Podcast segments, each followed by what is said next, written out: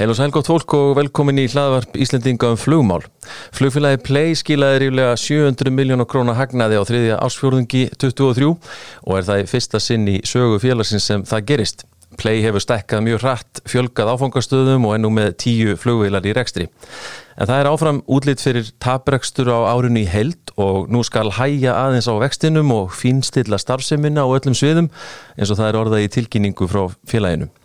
En hvað þýðir þetta og dögar þessi rekstrar ákoma á Q3 til að fleita félaginu áfram og í gegnum veturinn framundan? Það berast á sama tíma fregnir af flugmönnum play að ráða sig til Æslander og enn Ómar Gaggrín á félagi fyrir að sniðganga reglur á íslenskum vinnumarkaði. Til að ræða þetta og heilmart fleira er mættur hingað Birgir Jónsson, fórstjóri play. Ekki missa þessu.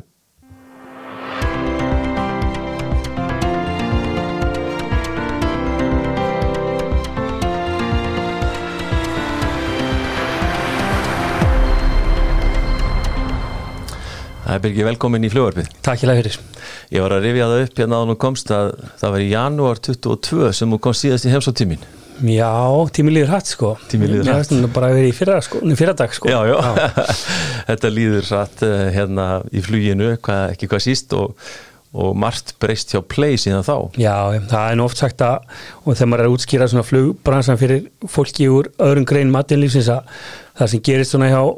öðrum stórum fyrirtækjum á fjórum árum gerir svona kannski á mánuði á flugfélagi sko, þannig að, það er allir svona létt, geggjaðir sem er í þessum bransa og, og svona þetta er allt svo aftætt sko og gríðalögu vöxtur sko að hérna bara svona til upprýfunar sko þannig í janúar 22 þá er þeir þá er þeir svona að vinna í því að fara að byrja Ameríkuflugið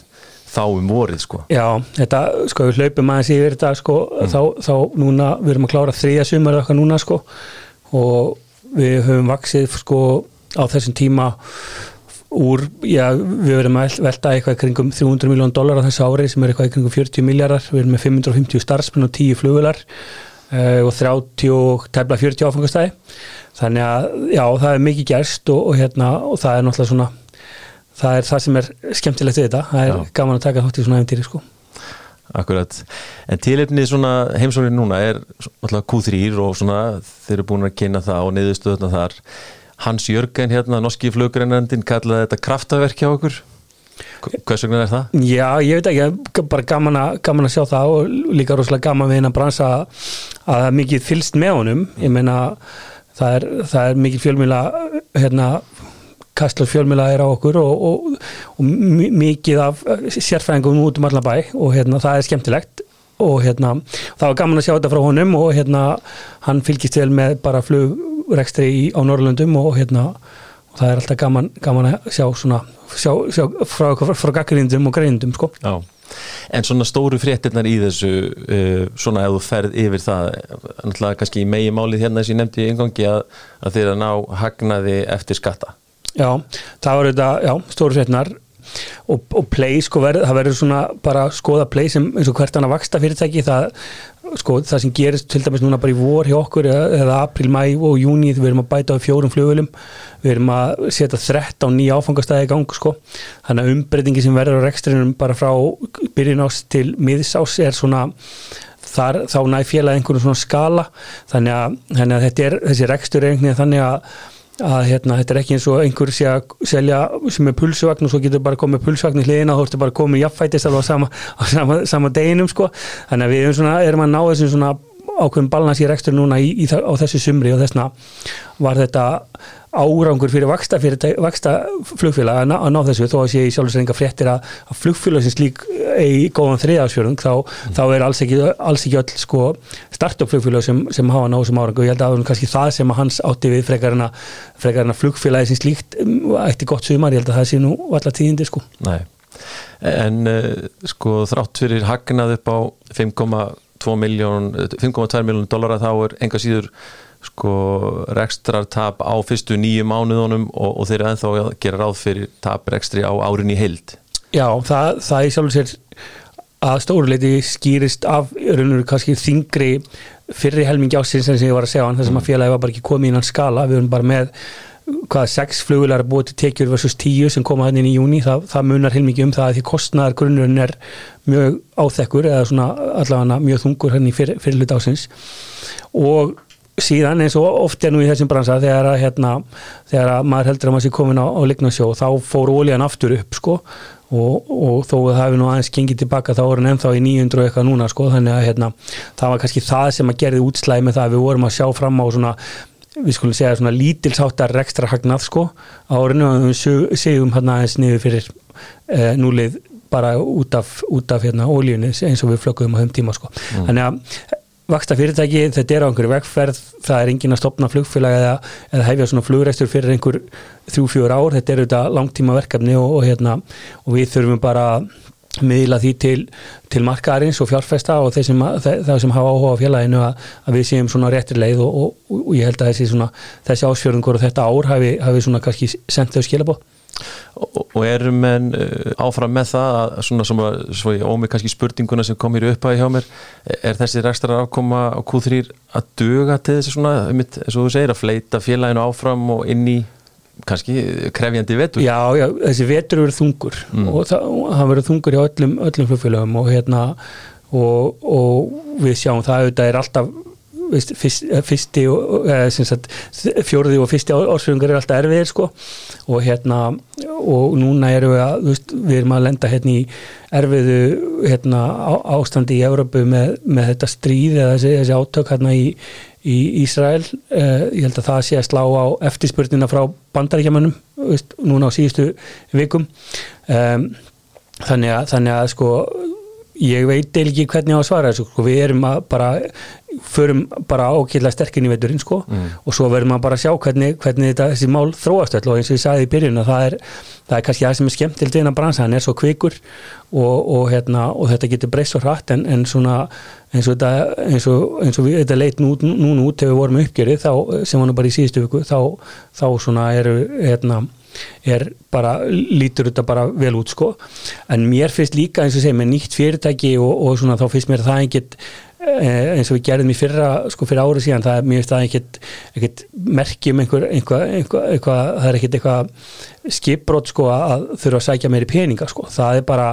eins og þú ert að keira til hérna eilstaða og þú ert með hérna, þú ert með bensínmælin og einhverjum tíampunkti fyrst er örgar að tanka bílinn sko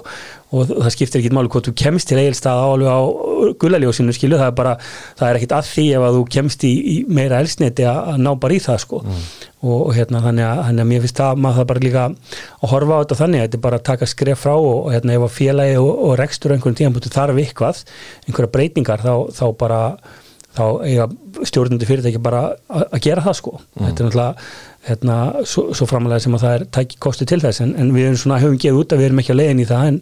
svo getur það bara breyst eins og alltaf. Og maður það líka bara vera með hérna, ákveðna auðmygg akkar því að við, þetta eru breytur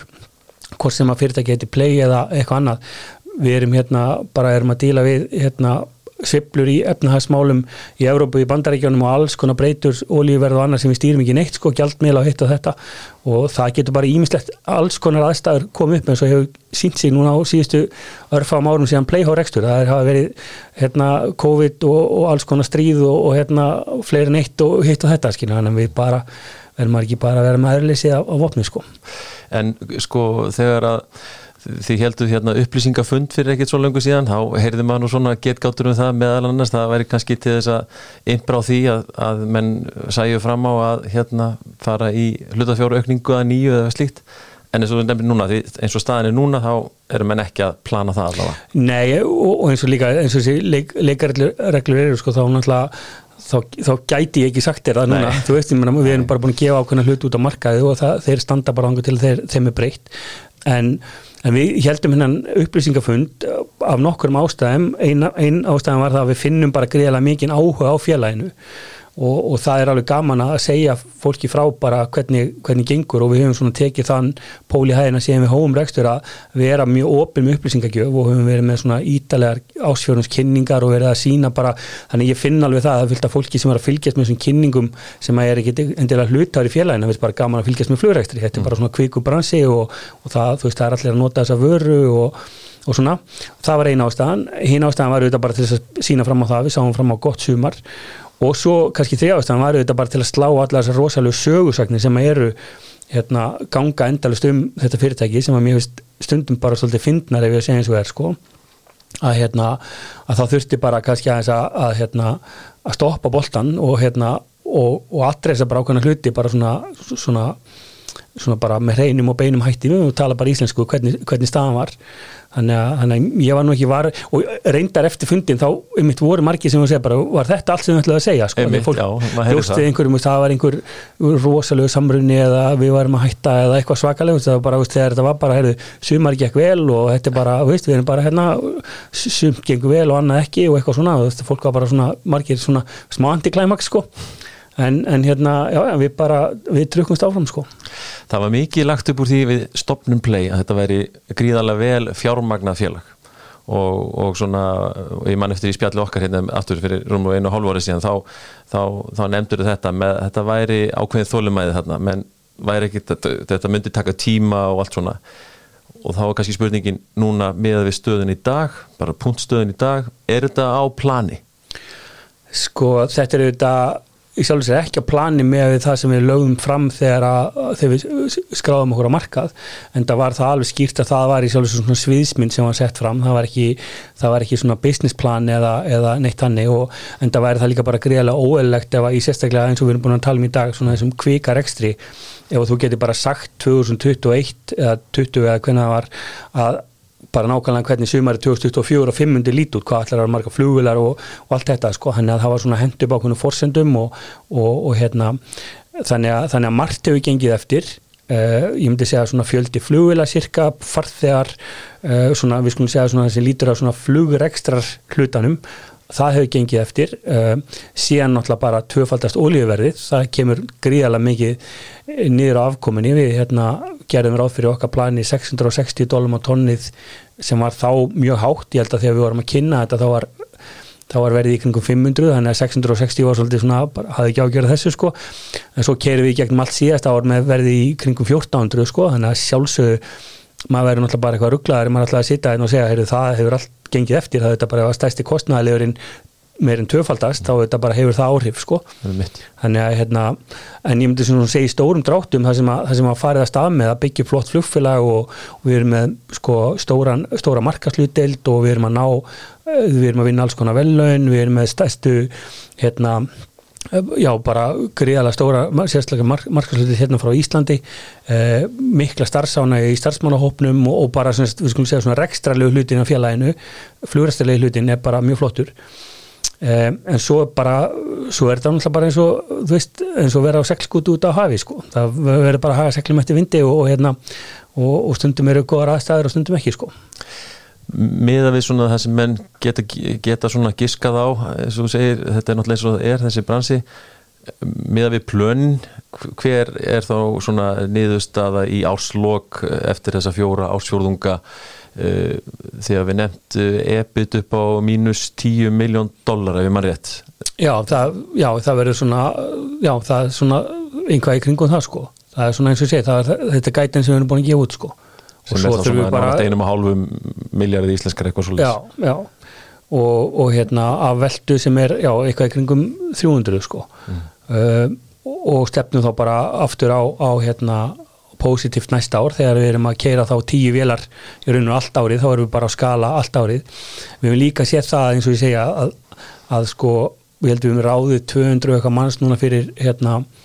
fyrir sumarsvertíðina ráðið og þjálfa sem er náttúrulega mjög dýrt við setjum 13 nýja áfangastæði það er mjög dýrt þannig að hérna, það er ákveðin fjárfesting sem hefur líka átt sér stað í bara grunn stóðum mm. sem við erum að rekna með að muni skila sér á næsta ári þegar að vöxturinn er ekki svona mikill að sagan síni það bara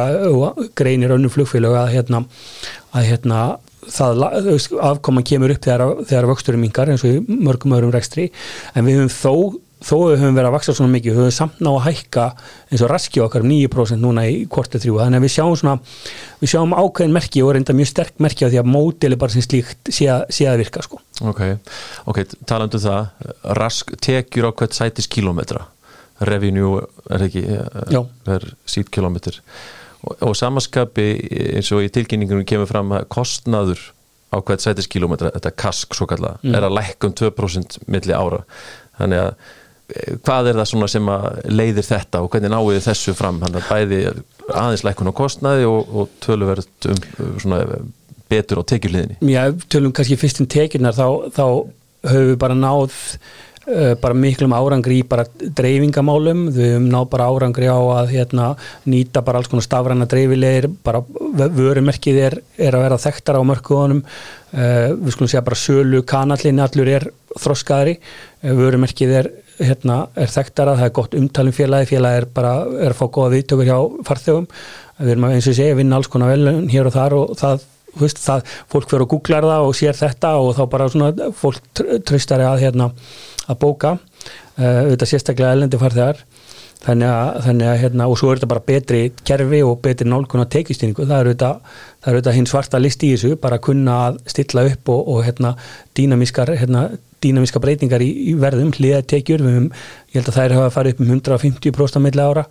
Um, bara svona þetta sem fylgir því að vera eins og sé, við erum auðvitað bara tvekja háls á skömmul sko, mm. þannig að þannig að það er, það er áttist að gríðarlega bara framför og þróun í öll, öllum innviðum sko,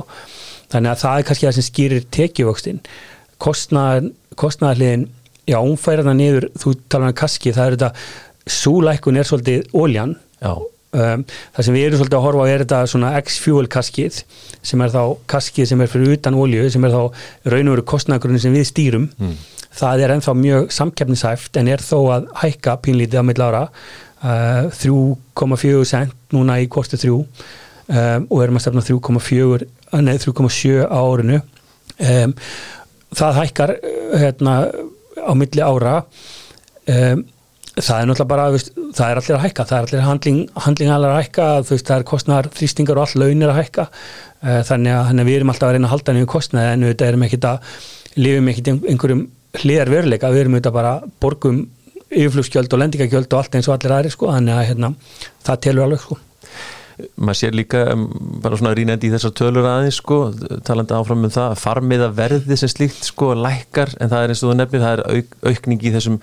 auka tekjum uh, um einhver, einhver prósent sko. Þannig að menn eru að ná svona betri tökum á þessu Já, það er auðvitað bara öllum lágkjaldafélögum er, er þessar hliðatekjur sem, sem eru svona það sem skiptir öllum máli. Já, heildar fargjaldið per farþega. Já, já. Hvað, hvað, hvað endar með að borga? Já, já, og fólk bara getur valið hvaða vill, hvaða þjónustuða vill og það er kannski svona það er kannski svona í raun og veru sölupunkturinn í þessu. Það er líka bara hægt að ferðast með ekkert á milli landa og vera sama í hvaða sætu þú sittur og þá bara ferðast um mjódýrt og svo getur bara verið að kaupa þjónustu í stæðan verið að kaupa eitthvað sem er, sem er eða drikki sem þú vilt koma með heimann eða hvernig það er sko. Akkurat. þannig að þetta er bara önnur, önnur nálgun á,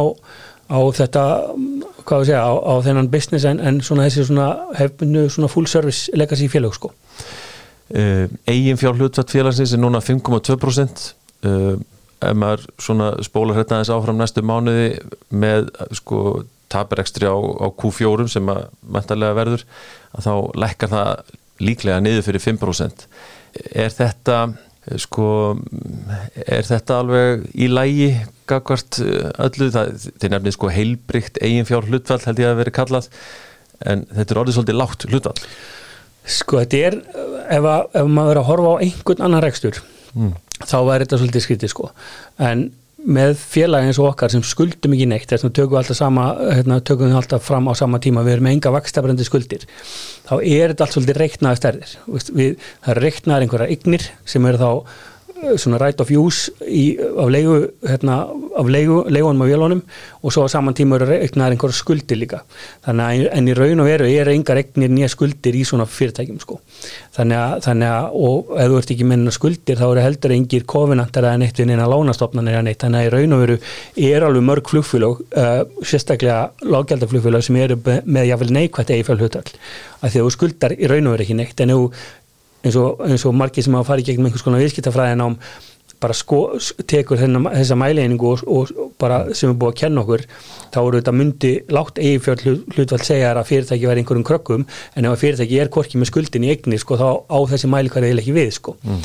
og að meðan við berum ekki þessar skuldir þá er, er þetta bara svona reiknu stærð sko. það sem skiptir máli í, í þessum hérna, í þessum rekstri er lausafjárstaðan sko. Þannig að það er ekki þannig að í einhverjum lánasamningum hjá ykkur sko, sé kveðið á um eitthvað lámarks eigin fjál hlutfall eða eitthvað slíkt sem félagi þarf að uppfylla Ekki ef það er engi lánasamningar en, en í, eðlilega í mörgum lánasamningum þá væri það þannig en ef félagi er ekki menna vakstabærandi skuldir þá skiptir þetta einhver máli sko Ég ætla ekki að segja að það var ekki betra að vera með að herra einfjálfut, alltaf sjálfsögðu, en, en, sko, en þetta er svona útskýringin á því að þetta er svolítið, stundum svolítið lágt hjá, hjá flugfélagum og ég, hérna, uh, ég mann nú ekki alveg nákvæmlega hvaða félagað er en það var nú einhver sem bendi mér á mjög stort lágjaldar flugfélag í, í heiminu sem er bara með neikvægt einfjálfut. Sko. Einmitt, en, en þetta er, þetta er ítrekkað komið inn á þetta í tilkynningum frá ykkur, þetta, þetta með að sko, félagið hafi engar vakstabærandi skuldir. Já, það er bara út af því að, að það er svo oft sem við bara lendum í þessu spurningum og mjög eðlilegum spurningum frá mm. fólki sem að, sem að hérna, auðvitað, tekur bara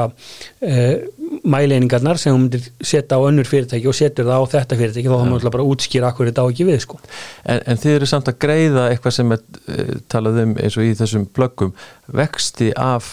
uh, leigu skuldbindingum er það ekki rétt sem að, að félagið með er ekstri? Já, það er náttúrulega bara, eins og sé, það, það er í raun og ekkert annað en bara leiga á flugulum sko Já. og það auðvitað, jú, skiptist í einhverja en það er, það er aldrei svona vaksta berandi skuldir sem eru í raun og veru flokkaði sem skuldi við lánastofnarnir sem að þú fær eitthvað lán og það er einhverju vextir á því sko það er, okay. flugulegu samlingar eru mjög flóknir og mjög misjafnir og, og stundu geta vextir, vextirni vera fastir og alls konar skilmálar á því sem að Að, en, en við tökum semst fram eins og segja þú væri með sér lánasamninga sem væri þá með einhverjum svona kofinandum sko, það er ekkit í staðar sko. Ég var að mynda bara spurja sjálf mig þegar ég var að skoða þetta sko, hér er, hér er einhver vaksta kostnæður tilgrindur en af hverju kemur hann til ef það er enga skuldi Já ég þarf eiginlega bara að fá Óla fjármálastjóri hérna í næsta, næsta flugvarpjáðir sko. ég get, ekki alveg farið svona dýft með þér sko, en, hérna. Ok, þá bara er það þannig. Hérna ekki það fyrir ég svo sem engin sérfræðingur í þessu málum en svona væri að spjalla við mér fróðari mannum þetta sem sagði þetta, þetta virtist honum sérkynlegt þannig að hérna, þess vegna er ég að spörja sko. en uh, tölum aðeins um hérna meira um bara niðurstöðuna og, og hvernig þetta lítur allt saman út. Uh, þið ætlið að fara svona að hæja aðeins á vextinum segiði í, á næsta ári. Svona í hverju fælst það Já, eins og, eins og, eins og ég nefndi á hann sko, það, það, það er dýrt að vaksa og, og við höfum vaksið gríðalega hrætt núna á síðustu árum sko. Um, og það sem við höfum gert núna, við erum búin að skrifa undir leigusamlinga fyrir um einhverjar tvær flugular allavega uh, sem við höfum tilkynnt sem að koma þann 2025 um, og ætlum svona bara, reynum við skulum segja ná opnum okkar svona svolítið á næsta ári við ætlum að, við vitum alveg og það, veist, það er ekkit endilega hjá eða í flugfylgum það er bara í öllum fyrirtækjum sem vaksar svona rætt að það er, þú hleypur svona rætt það er hægt að gera uh, það er verið að, það er hægt að gera hlutina betur hér og þar, það er hægt að það er hægt að stilla kostnaðin meira nýður og það er hægt að ná tekjónu meira upp eða það er ekki alltaf, segjum bara til dæmis sölu og markasfólki eða það er ekki alltaf að hugsa um að eins og þessu ári að lonsa 13 nýjum stöðum sko, þú ert það er, það er færri nýri staðir, þú ert bara besta starfsemin á þeim mörgum sem við erum á, það er bara augljóst dæmi sko mm. þannig, að, þannig að við teljum að við getum náð bara fítnir ekstra afkomi bara með því að fókusir á reksturinn og, og byggt félagið bara svona, við skulum segja styrta allt, hérna allar innviðina um, þánga til við tökum næsta, næsta stök sem er þá 2025 fyrir það sumar það er líka segi sjálfur sjálft sko fyrirtæki sem að sem að eins og segi vex úr held í 30 störfsmönnum þegar að þegar að var svona á algjörðu sprótaleveli upp í 550 starfsmenn. Núna við erum með 30 starfsmenn í út í Litáin við erum með fullt erlendu starfsmennum sem vinna hér og það er með Európa sem eru svona komandi inn og út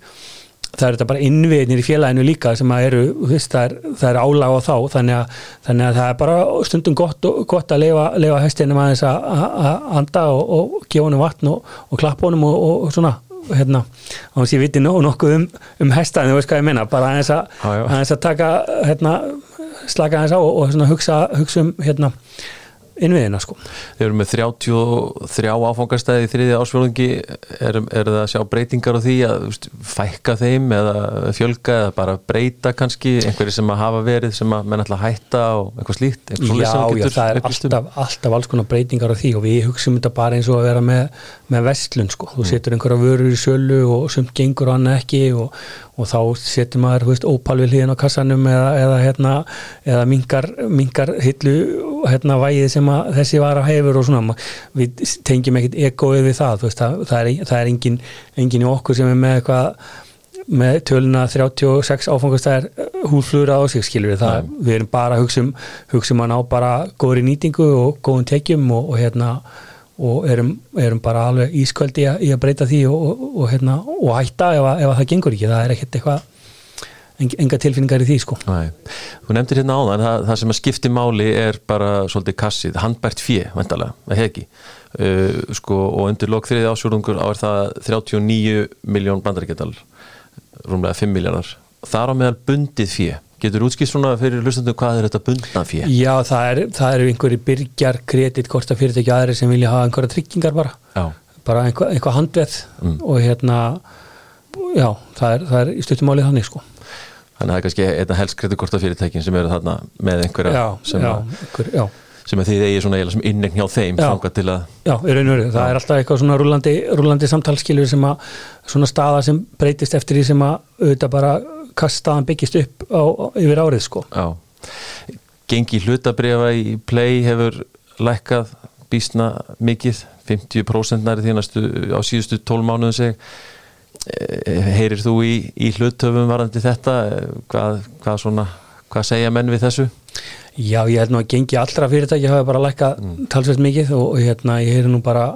almennt segja, menn, ég, meni, ég held nú að fyrirtæki í Íslandi bara almennt segja sér orðin mjög ódýr sko, þetta er nú mörg hver mjög gríðala flott fyrirtæki sem, að, sem eru komin á alveg fáranlega lág verð sko sko, jújú, jú, ég heyr alveg í hlutöfum og ég hef sjálfur bara hlutafi og hérna, og þetta er það ekki skemmtilegt sko, en sem stjórnætti og fórstjóri fyrirtækinu þá get ég ekki verið að láta það svona trubla mig svona á dagstaglega sko. Það er svona og maður hefur náttúrulega séð það og ekkit endilega hjá play heldur bara öðrum fyrirtækjum að hluta bregða verð sviplas kannski ekkit endilega eftir því sem er raunverulega að gerast í rekstri félagsins sko. Og hérna þó að svona fólk haldi það að sé þannig eh, þannig að, þannig að og heldur og, og líka, það má líka segja það sko að, að þessi svona þessi, hvað maður segja að stara svona ásfjórðunga er ekki sérstaklega gott ef maður ætlar að reyka fyrirtæki til langstíma það er bara augljóst að gera nokkuð skapaðan hlut til, til langstíma eh, því að, því að maður þarf alltaf að vera að taka upp hérna hugsim um langtíma hluti og þú ert að ráða fólk og það er verið að fjárfesta og ef maður ætlar að gera það alltaf í þryggja mánu að bitum sko þá myndir það auðvitað aldrei ganga sko. Mm. uh, og þetta er líka sérstaklega mikilvægt þegar þú ert með vaksta fyrirtæki sko og það má ekki gleyma því að, að við erum alltaf skráð á First North markaðin sem er vakstamarkaður þannig að við erum startup fyrirtæki skráð á vakstarmarkað en það er oft, fólk lítur á okkur eins og, og, og, og speklar okkur við, veist, akkur eru ekki eins og Æslandir sem er 90 ára? Eða, eða eins og Delta eða eitthvað svona skilju þannig að manni finnst það svona stundum svolítið ósengjant, skal, skal við ekki hérna það þess nefnum bara að minna fólk á það að við erum hérna ákveðinu vekkferð sko. Og þess vegna erum við að reyna að miðla þessum upplýsingum eins vel og við getum og, og hérna. Og erum líka bara auðmjög með það stundum ganga hlutirnir upp og stundum ekki. Það er bara, það er bara eins og lífi gengur fyrir sig sko. Mm. en, en hérna, jú, ég ætla ekki að neyta því. Ég væri, ég væri vola ánæður ef, ef, ef að stokkurum væri herri og ég held að ég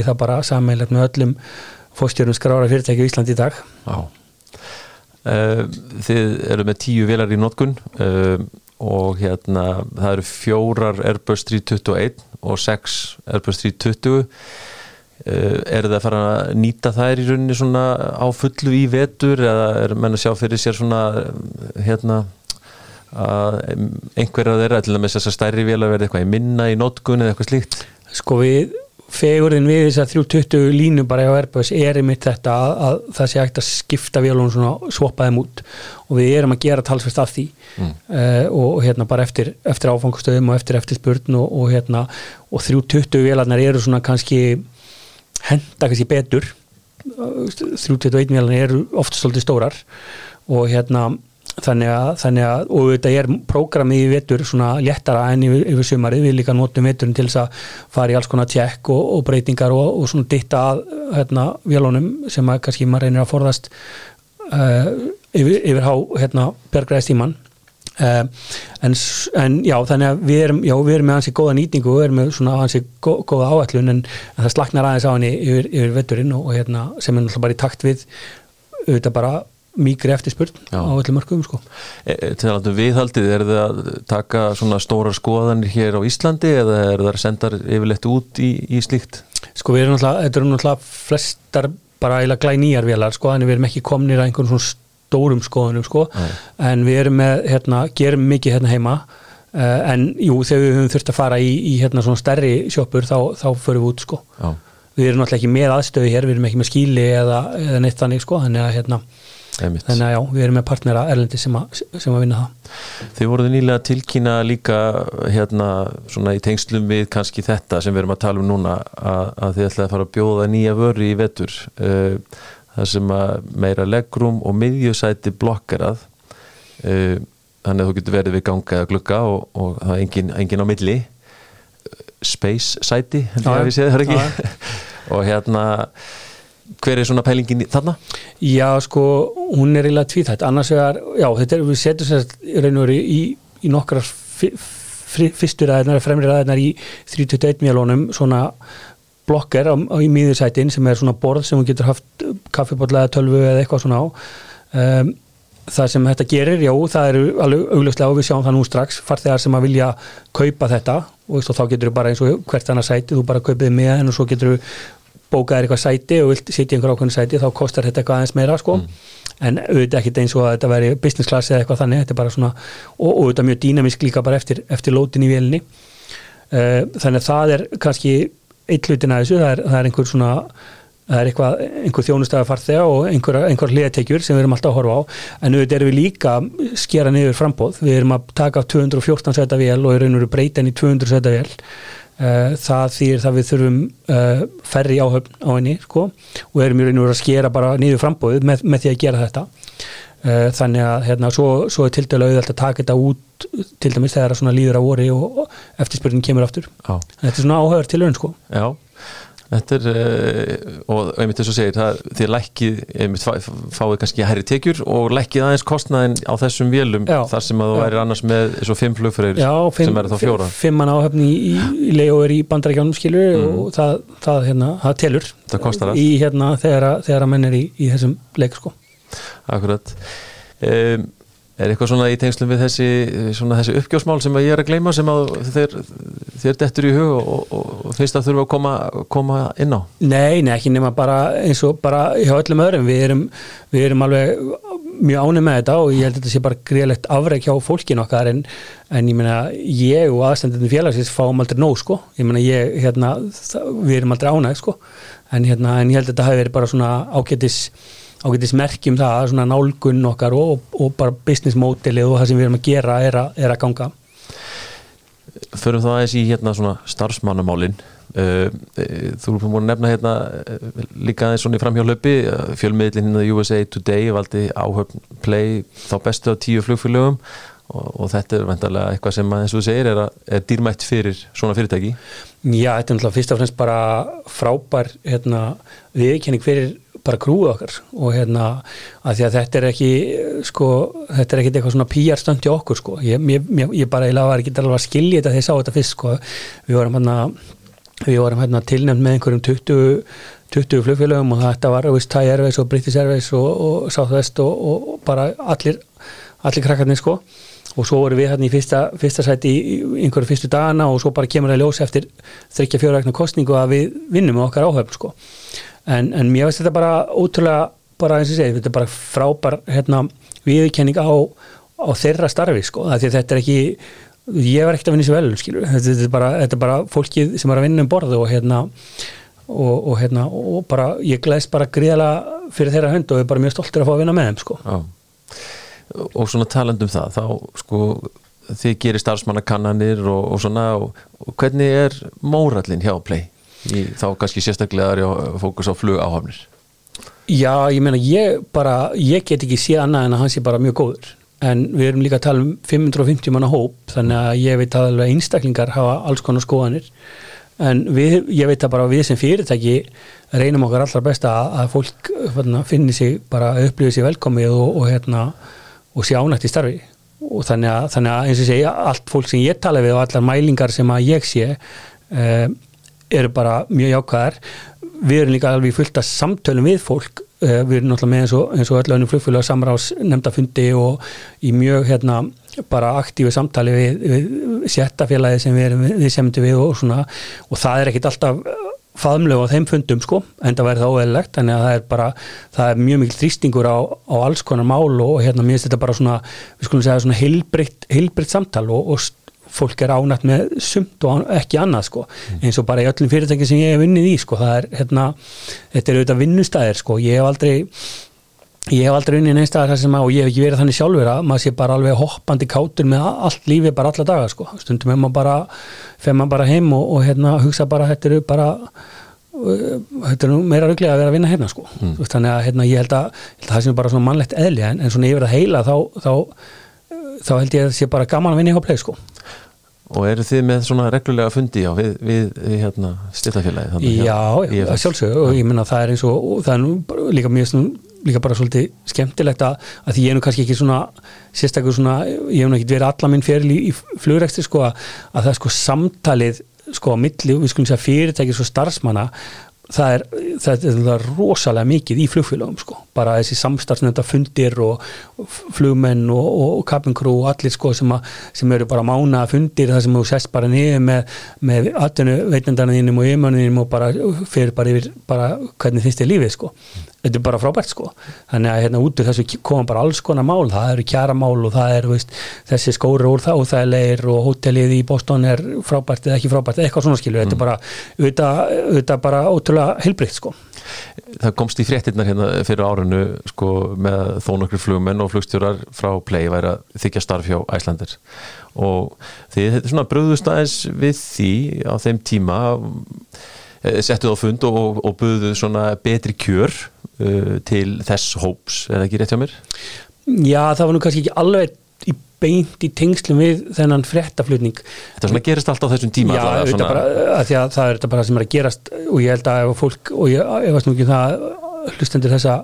hlaðarps er mikið að fylgjast með bara alþjóðlegum flugfélagum, það er bara launahækkanir hjá flugmönnum almennt séð í heiminum mm og það þarf ekki að googla mikið til að sjá að, hérna, flest flugfélög bara bandaríkanum og í Európu er að hækka hérna, laun flugmanna um bara ansi, ansi mikið. Mm. og það er greiðlu flugmanna skortur og, og hérna Og, og bara fyrirtæki er bara með alls konar roadshow og síningar og það er verið bara á LinkedIn alls konar gillibóð og svona. Þannig að það er bara, það er frábært á flugmæður dag. Það er bara, það er einna flösku hálsónum í, í stækkum flugfélaga þannig að, þannig að okkur að benda það á, einmitt á, á þessum, í þessum vettvangi sem við höfum, hérna, þessum samstarfsnemdum við, við okkar hérna, starfsmenn, í, kannski byrjun sumas að, að við varum komin svolítið út úr því sem væri verið að bjóða. Og sérstaklega þegar kom kannski að hérna, að first officerum eða þess að flugmönnum mm. uh, þá hóst einhver vinna bara við að, við að hérna, uh, eh, leira þetta það og sem að enda í því að það var gert. Og, hérna, og það svona bara var að gerast svona svipun tíma og, og, hérna, og þessi, uh, þessi ráðning var svo í gangi hjá, hérna, hjá Æslandir sko. þannig, að, hérna, þannig að þetta bara ég myndi nú segja, ég verði að heila að fónu bara allt vel sko. En er þetta, sko, fekk þetta goða viðtökur hjá hópnum? Uh, það, það voru alveg einhverjir sem fór yfir mm. veist, og hérna en á samanskapi hérna vor, hefur það verið mjög öll fyrir okkar ráða á móti uh, við hérna við höfum, það sem er kannski aðalmáli í þessu er að, að, að það var ekkert í þessum raskaði starfseminni. Og það var kannski fréttaflutningurinn sem var og kannski þessi sko, þessi svona hérna, þessi aðtikli sem er á þessu fyrirtækistundum að þetta er allt í svona fyrirsögnum sko. Mm. og ég var að fá sko það var, ég man ekki þetta var eitthvað kringum mánamót og það var að byrja að ringi í mig sko frá morgun útvarpanum sko, fóru vélarnar út í morgun sko, hvað kom, hvað sögðu margir upp í gær sko, er, er fyrirtækið starfhæft sko og maður bara eru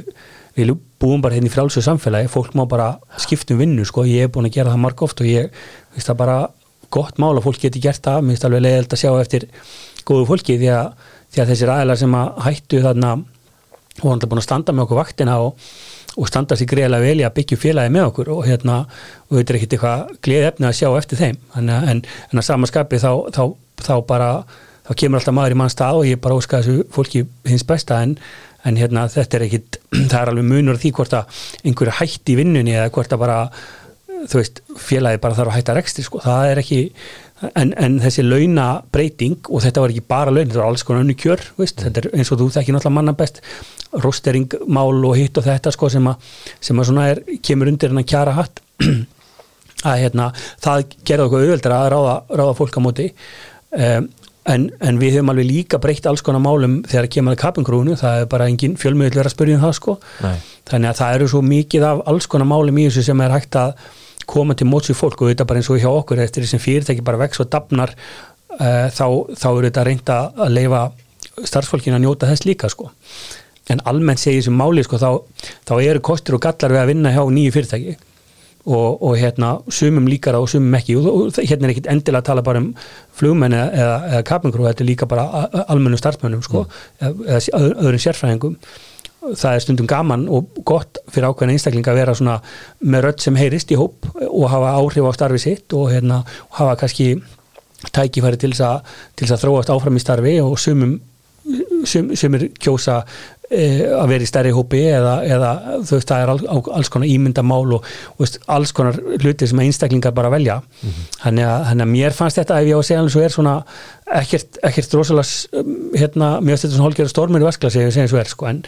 en það er líka búið eins og sé það er, það er ekkit rosalega langt síðan ég var að fá símtöl frá fjölmjölum um eftir mánamót og við varum að heyra þeir gátt ekki borga laun og þannig að veist, ég er svona við tókum þetta svolítið þannig sko. Þetta verður svona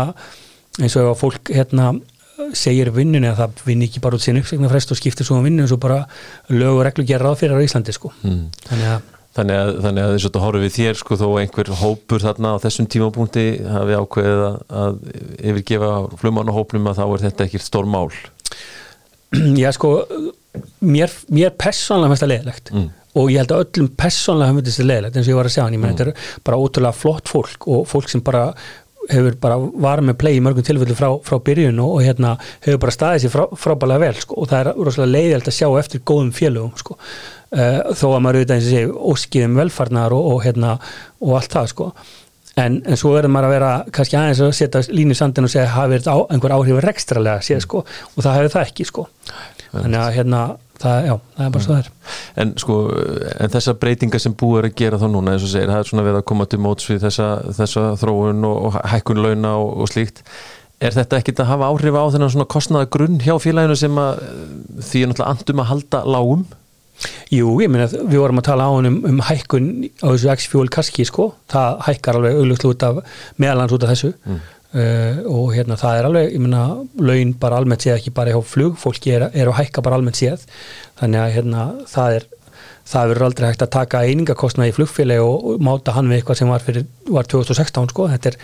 þetta hérna, og sem betur verður, laun eiga bara hækka, veist, mm. það er bara hérna, og við, náttúrulega, við hefum alltaf og ég veit svo sem alveg hvort að fara að spyrja mér næst sko, en, en sko ég vil samt að fá að segja það að, að við hefum alltaf bara lagt óbúslega mikið á okkur frá stopnum play að þetta sé góðu vinnustæður og, og fólk, fólki líði bara vel. Og, hérna, og ég hef ekki mert það nema að sé það sko. Mm. uh, nema svo eru þetta bara einhverja einstaklingar sem að vilja gera eitthvað annað í lífinu og fara á vinnu eitthvað annar staðar. Og það er bara það þarf ekki að vera einhver áfællistómur yfir hérna, vinnustæðinu sem það er að segja upp á sko. það, er bara, það er bara svo lífið er sko. Mm.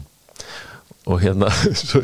svo ég höggvi í sama knérun sko, það er nýbúið mánaðamót og það er semst ekki, það er engin flotti flotti þessi mánaðamót Nei, það er bara, þú veist, það er fólk kemur og fólk hver sko mm. og hérna, ég hef ekki sérstaklega spurt að því hvort einhver, einhver sagði upp en það sem skiptir mjög þetta máli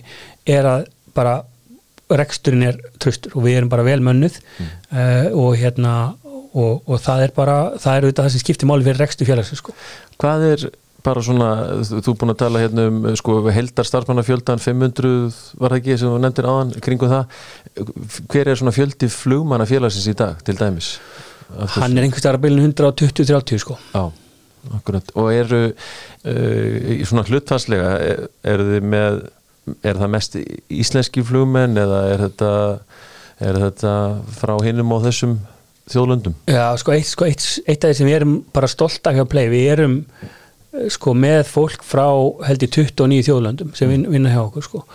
Uh, og flug, ef ert að sérstaklega tala um flug svona, við skulum segja svona flætdekkið, Mm. þá er það svolítið, svol- svolítið blanda sko.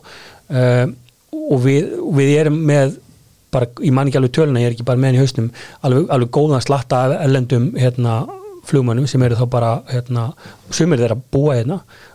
Margir þeirra voru voru vámenn sem vildi bara koma aftur fannst bara frábært að búa í Íslandi og fluttu bara hinga með fjölskylduna sínar aðrir búa ellendis og koma hinga og fljúa sko. uh, þannig að við erum bara já, við, við erum svona meira að hugsa um sko, bara passar við komandi inn í hópin uh, bara inn í kúltúrin frekar en veist, hvort hann ólst upp í bregðaltinu sko. það er kannski ekki almálið sko. En hvernig gengur að fá fólk sko bara í þessum bransa til ykkar og svona á þeim kjörum sem þið eru að bjóða eins og, eins og í hérna á, í flættekkinu núna? það, það hefur bara ekki verið neitt vandamál Nei. og, og sérstaklega ekki eftir að við hérna, kannski stiltum okkur meira að þessum og gerðum þessar breytingu sem við varum að tala um á hann Já. sem að var ekki síst gerð til þess að og veru að stilla okkur bara að því sem gerist á efraska markanum uh, við áttum okkur alveg á því að, að tvö flugfélög á Íslandi sem er í örum vexti þú veist, eru ekkit endilega það mun ekki endilega vera hægt að sæki sama íslenska starfsmannahópin sko. Og hérna og við erum ekkert eitthvað feimin við að tala bara um það. Uh, þannig að, þannig að hérna, já, við erum bara það, okkur finnst bara mikil ásókn í, í það og það er ekki verið, verið vandamála en það er eins og segja full mönnu eins og núna inn í vetturinn og sumari sko. Þetta hjálpar þetta líka bara við fengið rosalega mikla aðtegli í bara bransapressun ellendis, við erum að segja vinna alls konar vellaun og það er svona jákvætt orð sem fer á okkur og, og hérna þannig að, já, þannig að það er ekki verið vandamál sko. Nei. En svona uh, talandum hérna IFF, eh, Íslenska flugstjættafélagi og, og eins og ég kom aðeins hérna á ingangjunum uh, en, þá, er það með stimpilinn guld stjættafélag samkvæmt ASI og svona þetta liggur í loftinu að þetta þarna, uh, þarna gangi stjættafélagi er enda atvinnureikenda fremur en lönnþega og, og það sem hefur gaggrið þetta helst er að sam, kjara samlingin það eru gerðir án aðkomu flugfræðina sjálfra. Mm Uh, í upphafi þá var þetta náttúrulega flugmenn vá sem stopna félagið sem slíkt og, og síðan er, er því breytt svona uh, síðar. Er, er er ykkur löst sem þú sérð á þessu? Svona, Nei, raun og veru sé ekki miklu lausna þessu. Ég hérna sko, við reyfinda þessu upp eins og, eins og ert að gera sko, þá, þá vo- voru þetta hérna, voru þetta afstæðan hjá ASI á sín tíma. Um, sko, það er, það er raun og veru svolítið auðvelt fyrir mig að tala um þetta því ég í raun og veru kem inn í félagið þegar búið að gera þessa samninga. Og ég kem inn með í raun og veru þegar á að fara fjárfæstar er að koma inn og það er verið að tala um þessi gráninga markaði og þá er þetta skoðað bara sem hluta af hérna árænleika kunnin í félaginu og ég held að við fengið tvær lögmannastofur sérstaklega til að skoða þetta allt kall eftir öllum skjölum Mm. fara yfir þetta allt. Og það, þetta fekk bara bara, bara bróskall stimpilinn sko. Allur þessi gjörningur og þessi samningar. Af því að það er til dæmis ekki rétt að það hafa engir kabingrú komið að, að hérna sam, samningunum, það var þannig. Félagi var ekki farið að fljúa en þá er ekki flugmenn sem gerðu til dæmis hérna kabingrú hlutan af samningunum sko. Uh, síðan eftir að ASI kemur svona hart í okkur uh, þá lítum við skoða þetta aftur. Þá var bara krafa frá eigundum bara, við höfum skráð fyrirtæki, bara er eitthvað þarna og ef það er eitthvað þarna, þá skulum við laga það. Það var aftur farið að skoða, en ég, ég ætla bara að segja það að það er eiginlega ekkert atriði í rekstri félagsins sem hefur verið skoðað eins mikið af lögmönnum sem hafa enga, þú veist eins og sé ég sé, hef enga hagsmunni, ég skilji bara ef þetta er vandamál, þá er það að laga þetta sko. og, og það er bara komið út úr því að þetta sé bara alveg 100% í lagi svo koma einhverja svona pælingar inn í þetta eins og svona bara stjættafélagspólitík sko. um, í hérna sem sagt IFF uh, er ekki í ASI eins og FFI uh, það er þetta beindist aldrei að hérna flugmönunum að því að FIA er ekki í ASI skilur, þannig að veist, það var svona fyrsta dæmið skilur, bara, hérna þannig að þetta er svona, það, það er, hérna og eins og ég hef nú verið gaggrítið svolítið fyrir að benda á það að, hérna, guld stjættafélag er bara, og þá eru margir í ferkalisefingunni meiri segja þegar þetta, hérna, mál var í hámæli sem bentu mér á það og höfðu samband svona baku tjöldin og bentu mér á það að svona samningar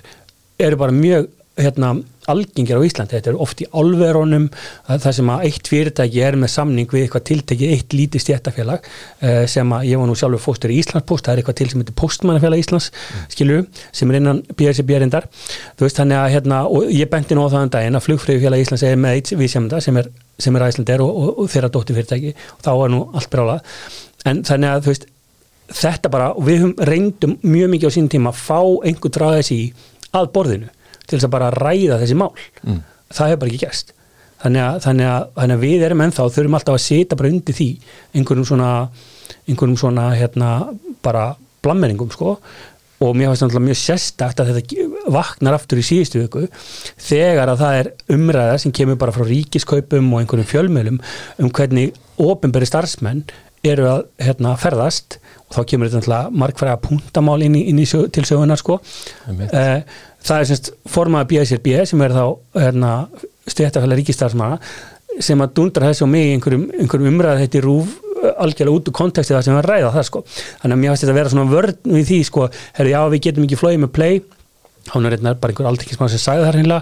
ég myndi nú bara fljúa miklu ofta með play það kem ekki svona illa fram við starfsfólki Já, sem ég fannst náttúrulega bara alveg gjössanlega galið sko. það kom einmitt í mitt það var þingmaður pírataheldi sem kom með þetta einmitt bara, bara sem ákveðna hérna í ástæðu þessi mitt að fljúa ekki með play að Já. það væri þessi kjærasamningar og, og, og meint undirbóð og und, und, undir greiðslur eitthvað neginn Já, það, mér finnst bara alveg galið að það var sitt undir þessu, ef ég var að segja svo sko að því að það er aldrei neitt sem kemur með málefnilega neitt fram og ég meina þessir aðilar, ég meina ASI og þessi félög hafa nú hingað til ekki verið feimin að, að grípa til einhver aðgerða mm. og, og ég ætla nú svo sem ekki að fara í hérna káur og valumetingin en, en bara á þessu stuttatíma sem við hefum verið hérna í, í rekstri þá hefum við til dæmis okkar helsti samkjöfnisæðil á Íslandi þurft að, þurft að svara fyrir rýmismál bara á ofnbjörnum vettvangi og í, í einhvern svona á lagalegum vettvangi hérna það, það var einhver uppsöknu á einhverjum trúnamanni og það var einhver starfsalduslisti og það var hitt og þetta þannig að þegar einhver mál kom upp þá er alveg farið í aðgerðir. Það er bara ekki til okkur, það er bara miklu öðeldar að koma einhver, svona, einhver skot í fjölmjölum sko. En þú segir samtali við ykkar stjættafélag er gott? Uh, sko, og maður velti fyrir sér uh, sko, ef, ef vandamálið er einhvern veginn þessi samningsmál Eh, er ekki hægt að sammælast einhvern veginn um að opna þetta og það sé bara kosið um þetta og ný eða eitthvað slíkt til þess að koma þeirri línu út að, að þetta sé bara það sem er í gangi? Jú, þess vegna finnst mér bara magna að það sé ekki tala við þetta stjættafélag, það er bara þarf nú ekki að fara á Google til að sjá fína heimasíðu og fólk í stjórnum frá flugmanna hérna, og kabinkrústjórnin og miðstjórnin og, og svo hefur verið að segja það ég, eitthvað, hérna, ég sem fókstir í fjölinn segja eitthvað að liðka fyrir því að fólk var í eitthvað annars stjættafélag mm. raun og verið kemur ekki við sko Nei. En ef það kemur nú tíðin hérna bara segjum hópur flugfræja hjá Play myndi þessi taka sér til á morgun og segja við erum gengnar í flugfræði félag Íslands hvernig horfið það við? Sko ég nú, þetta er nú svolítið lagalig spurning við erum alltaf með gildan kjærasamning við stjættafélag og í þessum samning er forgámsett ákvæði. Og það er bara eins og í hérna, eins og í hérna, eins og í kjærasamningunum með Æslandir að hérna, það er bara hérna, það er líka forgámsett ákvæði því sko. Þannig að hérna, þetta er aðeins flóknar en það. En, en það er væntanlega einhverja leiði til þess að stjættafélagi sem slíkt geti gripið til einhverja, einhverja aðgerða en, en einstakki starfsmenn geta það ekki út af forgámsett rétt ákvæðinu mm. um, sem er ekkit eitthvað sem við fundum upp. Það er bara týðkast í bara íslensku atvinnlífi almennt séð að hérna, að, hérna eins og þessi tilfelli að, hérna, að flugfræður hjá Íslandi er þær hafa forgang í störfi er eða það er í flugfræðufélagi Íslands en ekki öðru stjættafélagi mm. það er bara alveg sér okkur sko. Þannig að, þannig að svona yfir það heila þá, þá finnst mér að beina þessum spurningum öllum til stjættafélagsins uh, en ekki mín sko eða, eða flugfélagsins play sko því við höfum bara ekkert með þetta að gera sko. Við setjum þá dasgráði flugvarpuna að fá hérna fórsásmenn stjættafélagsins í, í spjall. Já, ég veitir enda alveg sko að þau hafa verið svona sein þreytt til þess að tjá sig út af þetta er auðvitað svona þetta er auðvitað svona sko það er aldrei að náneitni umræðu sko. Mm. veist, og nú er ég ekki að tala með svo við þig sko heldur bara, bara svo ég personlega bara einhvern samfélagsmiðlum, maður er bara einhvern veginn svona dregin gegn svaðið og svona það er engin vennjulegu maður sem nennir að koma fram og ræða málun einhverju, einhverju skinnsemi út af því að þú veist, þú ert bara einhvern veginn útrópaður og lendir einhverjum skotgrafa hérna eins og umræðar í Íslandi verða oft sko. Mm en hérna já, þú varst gaggrítu fyrir þetta þessi, þessi kommentin í Gagvart flugfræðifélaginu í, í sjónvarpinu um daginn, en þú segir það er eini viðsjamildin Æslander en uh, það er nú ekki alveg rétt að það hafi alltaf verið svoleiðis. Nei, það hefur kannski ekki alltaf verið svoleiðis en, en, hérna, en það er ekkit rétt að þessi, þessi hérna, þess, þetta stjættafélag sé bara eitthvað eina flugfélagi, nei eina stjættafélagi sem megi representara fólki einhver ákveðni starfskri, sko, það er bara ekki þannig því miður, sko, það er bara félagafræls á landinu eins og sé það er bara búið marg skoða þetta, sko. Mm. Þannig, að, þannig að þess vegna er svona eins og segi, það er erfitt og ósengjant að þurfa að sita undir því og sérstaklega verið starfsfólki okkar að það sé einhverjum undir einhverjum lámarslaunum eða sé einhverju, þetta sé einhver ræðileg kjör og þetta sé einhver rosalega ræðileg vist þegar það er það bara ekki og ef það væri þannig þá myndu bara ekki vera með fólk í vinnu sko. það, það bara, veist, þetta er bara augljóst sko. Það stendur í plug and play hérna, megi markmið eða á ennsku primary goal to make flying affordable for everyone. Og hérna fyrir skemstu þá var ég með hérna fjölmiðlamann svona mætti kalla hann áhrifavald í flugheiminum Petter í viðtali og hann sagðist vænta þess að tími þessar svona hvað við segja mjög lágra flugfargelda væri bara líðundir lok. Hverju svarað þú því? Já, þetta er náttúrulega rosalega afstætt bara hvað er lágt sko. Hérna, ég er ekkit ósamálun mér finnst sko, það er líka hægt að taka umhverfissjónamennin í þetta sérstaklega Já, ég held að sé mitt með já. það í huga líka sko held að, held að skattar við, og kótarnir og þetta já, allt saman Ég held að við svona sem eiga erum kannski í svona aðeins öðrum málum sko en, en svona ef maður horfið bara á það sko ef þú ert í miðbar Reykjavíkur ert að fara, segjum út á velli í Hafnafjörði sko, þá kostar legubildin held ég tíu skall það væri óeillegt ef að það er ódýrar að fljúa til London en að fara í legubil á vellina sko. Eh, það er það stundum núna í einhverjum svona tilteknum sætum og tilteknum tilbúðum og svona. En, en svona eh, að það að, að það kosti bara algjör klink að fljúa sko, það er held ég bara ekki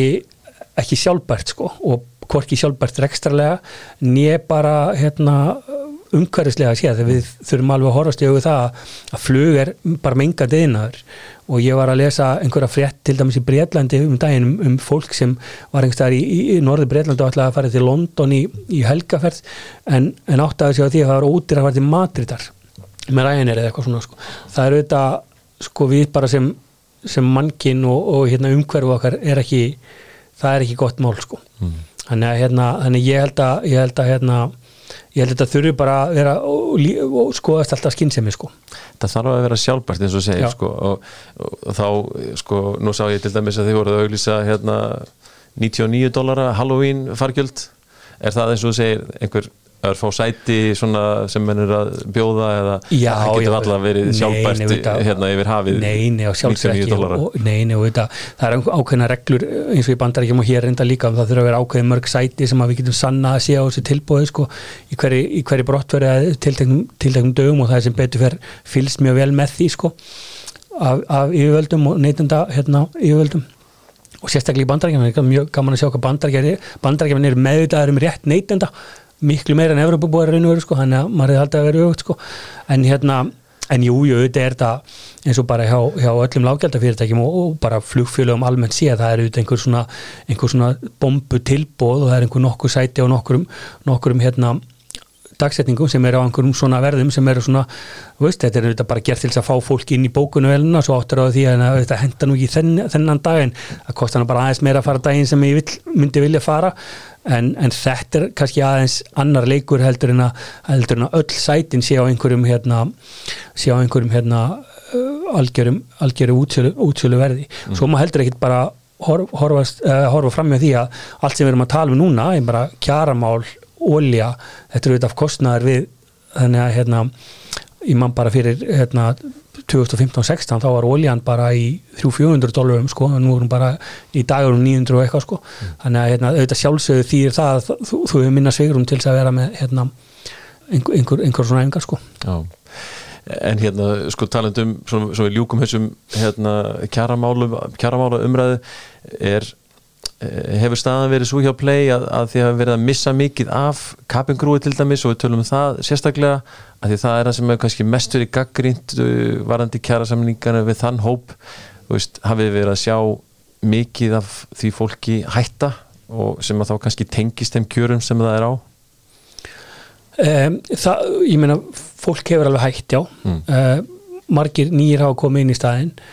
Það eru sko ég held að sé mikil einföldun að segja þetta snúist bara um kjör. Og, og ég get alveg sagt að ég sé alveg hvað fólk er að fá í launaðumslæðið um hver mánaðamót. Og, og hérna og það er engin að vinna hjá okkur sem er, sem, sem er á einhverjum lámarslaunum og, og, langt frá því. Og ég held að, veist, að það bara, ég held að séu bara fyrsta leið það margir bara núna, þetta er nokkur hundra manns út um allt þjóðfélagið, ég held að svona sú umræða sé eiginlega farin. Það sem, þetta, það sem þessi kjara gaggrinni er, er núna er þetta snýst um tilur þessar samnings og, fré, og, og hérna stjættafélagsins en, en ég, það er eitthvað síðan ég hef heyrt um að við að launin okkar væri eitthvað undir einhverjum, einhverjum lámarslaunum skilju, því að það bara, þú þekkir bara svo marga núna, þetta var bara auðveldar að segja þetta þegar þú þekktir engan sem var að fljúa eða play, nú er það bara frændiðin sem er, sem er í kapingur og play, hann er bara helviti góður sko, hann er bara ánægð með þetta sko. Sumir eru það ekki, þá bara geta þeir bara hægt bara eins og, eins og við viljum hafa það í þjóðfélaginu sko. Eh, svo eru líka bara aðrar ástæður við tala bara reynd út, ég meina það verður líka bara fullt af fólki eða fólki okkur sem að, sem að hafi verið að vinna hjá VÁ var búið að fara í gegnum fall VÁ uh, orðið fyrir því að missa atvinnuna sem eru þetta greiðlegt áfall fyrir alla það, það hefur kostað því að, að fara að vinna hjá einhverjum öðrum fyrirtækjum sem að, sem að geta búið upp á, á hérna eða það er eitthvað svona ímyndin er að sé eitthvað betra atvinnuöryggi. Um, það er alveg skiljanlegt. Það er enginn sem vill, ég menna það er enginn sem vill fara í gegnum það aftur. Uh, og, og fólk, það er okkur bara tróma, ég var nú sjálfur starfsmaður á þó ég hef ekki verið þegar, að, þegar að það fór á hausin en, en það var auðvitað bara okkur tróma sem bara sá starfsmannahópur fór í gegnum allir sko sem er svona kannski erfitt að, að losna bara við. Og síðan eru bara margir sem að voru alltaf að býða eftir að play yrði vá en við erum alltaf, alltaf að byggja bara okkar eigi fyrirtæki og play er bara play og vá var bara frábært en það var bara vá sko. Þannig að það voru líka margir sem voru að segja bara þetta var svona hjá vá, þetta var svona hjá vá, hvernig verður þetta, núna, svona hjá play. Og þá var kannski svarið bara við ætlum ekki að hafa þetta svona. Og fólk var kannski bara ef þetta var betra áður. Ok, skilu þetta er fullt af alls konar ástæðum, þetta er ekki bara launa, en það er svo það er svo auðvelt kannski bara að, að hérna, svona kvantifæja það með því að segja bara, hérna, ég er að læra laun núna, Já. og, og sko þessi kjara samningar sem þetta snýst allt um þeir gilda hvað, út 2025 eða? Uh, eitthvað, ég man ekki alveg nákvæmlega eitthvað inn á 2025, það er- já. Inn á 2025 og, og þá geta, getur þessi hópur í gegnum sitt stjættafélag tekið upp samtalið eins og aðrir? Já, er, það samtali er alveg bara, þó við séum höfum kannski ekki svona ofinbeglega að fara að taka upp samningana sem slíka, þá höfum við gert fullt af breytingum eh, bara alls konar fastráningar og þú veist það er að gera fullt af æfingum hérna, fyrir fólk til þess að, mæta þeirra þörfum og, og óskum á þess að kannski taka upp kjarasamningan í hilsinni og, og hérna, við höfum bara alveg verið að gera það í alls konar málum en því að laun og kjör er eitt, það er, það er búið að stilla til dagpenninga og akstu styrki, það er eins og segi, við höfum farið í fastráningar á þannig við þurftum að, stramtiltekki þurftum að gera og gert alls konar æfingar bara til að lefa fólki að finna það það, það hérna sé hluti af einhverju æfintýri og, og, og hérna og við, við hérna kunum að metta bara þeirra góðu störf sko. það er verbulga og háir vextir á Íslandi og svona, er, er þetta að gera ykkur eitthvað erfitt fyrir? Um, já, ég veit ekki hvort maður sé erfitt fyrir en ég meina auðvitað sjáum við það eins og bara allir aðrir á Íslandi að auðvitað íslensk, svona, íslensku heimilin eru svolítið að halda sér höndum, við sjáum það alveg og, og hérna og ég meina ég held að þessi vetur verði alveg hann verði alveg þungur, hann verði slagur sko og, og, og eins og í fyrra vetur til dæmis, það sem var svona eftir COVID það var svona ákveðið eins og ennsku kallar þetta svona revenge travel sko, fólk ætlaði bara að fara til tenni sko, það var kannski búið að, veist, að skuldaði hérna 70 ára ammali hjá mömmu skilu og fólk, fjölskylda fór út og, og svona og, og það er minna af því núna þannig að, hérna, þannig að þetta, er, þetta er svona eins og bara held í öllu. Fólk er að horfa alltaf í peningin það er, það er ef að bara af, hérna, afborgarnar húsnæðislánum bara markvaldast eða líka við sko þá, þá þetta kemur það niður á einhverju. Þannig að, hérna, þannig að ég held að þetta sé ekki og ekki endilega fyrir okkur frekar en önnu fyrirtæki. Þetta er ekki, þetta er ekki gott ástand til, til lengri tíma að, að hérna, vera í svona, hérna, svona bólgu umhverju sko. Nei, en svona svo við fyrir nú að sumera þetta upp. Staða play í dag og svona framtíðar horfurnar næstu misserinn Já, ég held að staða play sé bara og veru bara sterk og, og hérna við séum á bara á þessari vekkferð sem, sem að við erum á og, erum ekkert komin í mark, ég menna við erum ennþá í vexti og, hérna þurfum að, þurfum að hérna, bara sanna okkur ennþá meira. Og ég skulum segja að við höfum svona við höfum svona komist í gegn fyrstu lótuna og, og það er, við veitum bara þessi hérna, segla í þessum starfsmannahópi en það er búið að vera rosalega mótvindur og bara ekkit bara í okkur heldur bara í flugræstir almennt séð þannig að, hérna, hérna, ég held að, að svona, þegar, að, að vindurinn snýst svona aðeins með okkur þá hérna, sem að, maður verður nú að vona að gerist þá held ég að hérna, þá held ég að séu hérna, bara bjart í tíma framöndan en, en við höldum bara áfram að að miðla bara okkar upplýsingum og, og, hérna, og reyna okkar bara besta. Og hérna, það er auðvitað bara líka gott ef maður horfur bara á flug yðinaðin á Íslandi. Það er bara frábært að það séu eins mörg flugfélag og, og hægt er sko, bara fyrir bara það á að vera samkjöfnum fólk þá bara vera, þú veist, eins og allt sem þú ert að spurja mig um, það væri bara óæðilegt ef það væri eitt fyrirtæki og nú er ég bara, ég ætla bara að taka alla, öll tvímæli, ég er ekki að væni eitthvað Æsland er um það, ég er bara mér finnst bara Æsland er mjög flott fyrirtæki. En ef það er eitt stórt fyrirtæki einhverjum, einhverjum hérna yðnaði sem hefur eitthvað svona ægi valdi verið einhverjum ákveðinu starfstjétum, þá er það óheilbrið sko, þannig að það að uh, kosti að færa sig um þá, þá, er, þá bara er launin verða betri uh, við verðum bara sterkari bara flugþjóð, bara fagfólki okkar. Og, og hérna og ég held að það sé svona við ættum stundum að taka ekki bara verið í metingnum hvort að þetta sé rauti eða blátt hérna eitthvað heldur bara aðeins að horfa á stórmyndina að hérna við erum að byggja upp hérna frábæran yðna og hérna og fólk á bara að hafa alls konar kosti bæði neytendur og farþegar og líka starfsfólk Þetta var á getisloka ræða hjá þér sko. Bara byrgi á bestastæði Heyrðu, hvað er svo næstu viðfangsefni hjá fórstjóranum en er búin í viðtali í fljóðarpinu? Nei, þetta er bara sko, skemmtilega veit að starfa að sko, ég veit bara þegar ég fer heim og eftir heimurinn lítur ekki eins út á, í, í fyrramáli þegar ég vakna sko, hann það er nú, er að skemmtilega veina bransa en maður veit aldrei hvað gerist næst. Takk fyrir að koma í fljóðarpið Takk hjá Og þar með sláum við botnin í þennan þátt og þar til næst, góða stundir